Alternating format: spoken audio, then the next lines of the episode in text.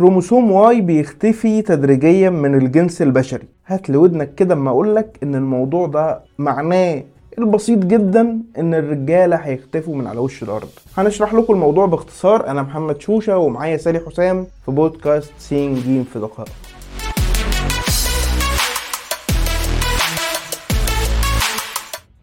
المفروض إن هي دلوقتي لو حد دارس يعني فهيبقى عارف إن دي معلومة من مناهج علوم إعدادي. بس خلينا كده بما إن بعض الناس بتنسى نقول لهم يطلع إيه كروموسوم Y ده. هو الكروموسومات الجنسية عند البشر عموما نوعين. أولها الكروموسوم X بس ده هنركنه على جنب دلوقتي علشان نركز مع الكروموسوم Y اللي هو بقى مسؤول عن تحديد جنس المولود. آه عدد الكروموسومات في الخلايا الجنسية بيوصل ل 23 كروموسوم. لو ظهر ال Y فبيكون جنس الجنين ذكر. لو ما ظهرش بيبقى أنثى. طب واشمعنى الكروموسوم Y هو اللي عامل كل الشغب ده يا سيدي؟ هو الكروموسوم Y ده شايل الجينات الخاصة بتطور الأعضاء والخصائص الذكرية. أه لحد ما بين سبع أسابيع ل 12 أسبوع من الحمل الجنين الجنين بيكون عنده نفس الأعضاء الجنسية. مفيش فرق بقى بين الذكر والأنثى. لحد ما الأخ Y يبدأ يشتغل.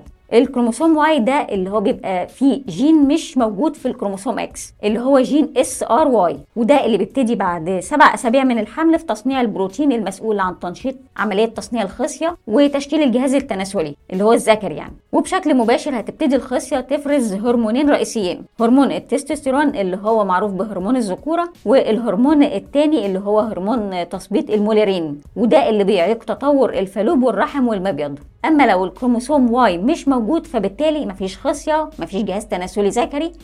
وفي حين الجهاز التناسلي الأنثوي بيتك... اللي هو اللي هيتكون بقى فيكون الجنين ساعتها أنثى.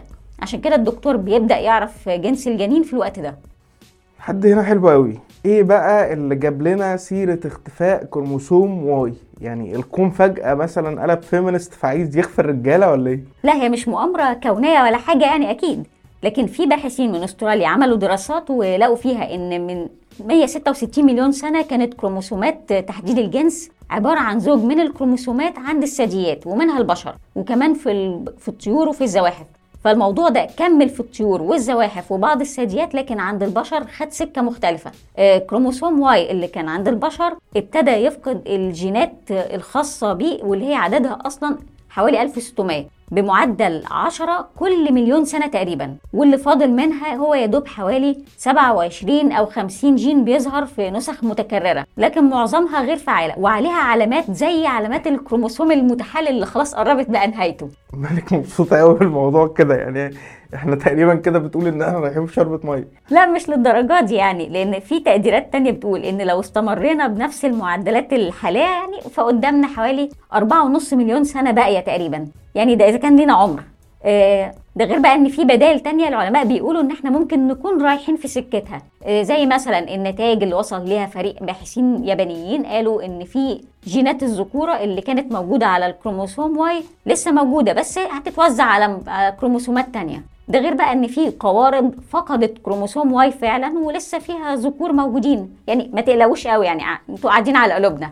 وإحنا نقلق يعني إحنا مالنا ما هو الذكور لو اختفوا الجنس كله هيختفي. يعني لو وقعت مش هقع لوحدي معلش. لا عادي في سحالي وتعابين وبتبقى اناث بس وبتتكاثر عن طريق إنتاج البيض من جيناتها عن طريق التوالد العذري. بس ما اكدبش عليك العلماء بيقولوا إن ده صعب يتكرر مع البشر. مع ذلك الاحتمالية موجودة إن البشر يقدروا يطوروا جينات جديدة تحدد الجنس. وإن كان محبي الديستوبيا بقى بيقولوا إن حتى ده خطر لأن لو تطور عند البشر أكتر من نظام مختلف لعملية التوالد وتحديد الجنس فده هيبقى أكتر من جنس بشري موجودين على على الأرض في نفس الوقت. ده هيحصل ده كده حاجة كده زي اللي حصلت مع زي فيران الخلد وفيران الشوكية. عشان تعرفوا قيمتنا بس. بكده تكون انتهت حلقتنا النهارده. كان معاكم محمد شوشة من الكائنات المهددة بالانقراض وسالي حسام اللي هتورث الكوكب لوحدها غالبا يعني في بودكاست سين جيم في دقائق. استنونا الحلقة الجاية من بودكاست سين جيم في دقائق.